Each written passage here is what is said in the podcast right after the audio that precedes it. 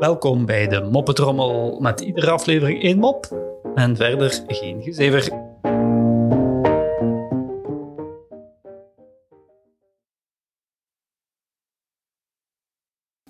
Op een morgen doet de pastoor de deur van zijn kerk open en vindt daar een dode ezel. Jememi, denkt hij, en hij weet niet meteen wat hij ermee moet doen.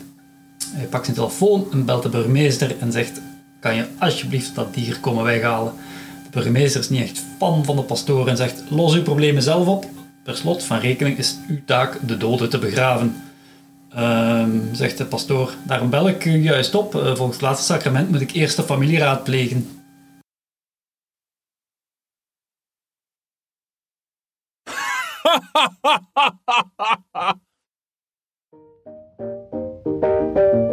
Zo, dat was de moppetrommel voor vandaag.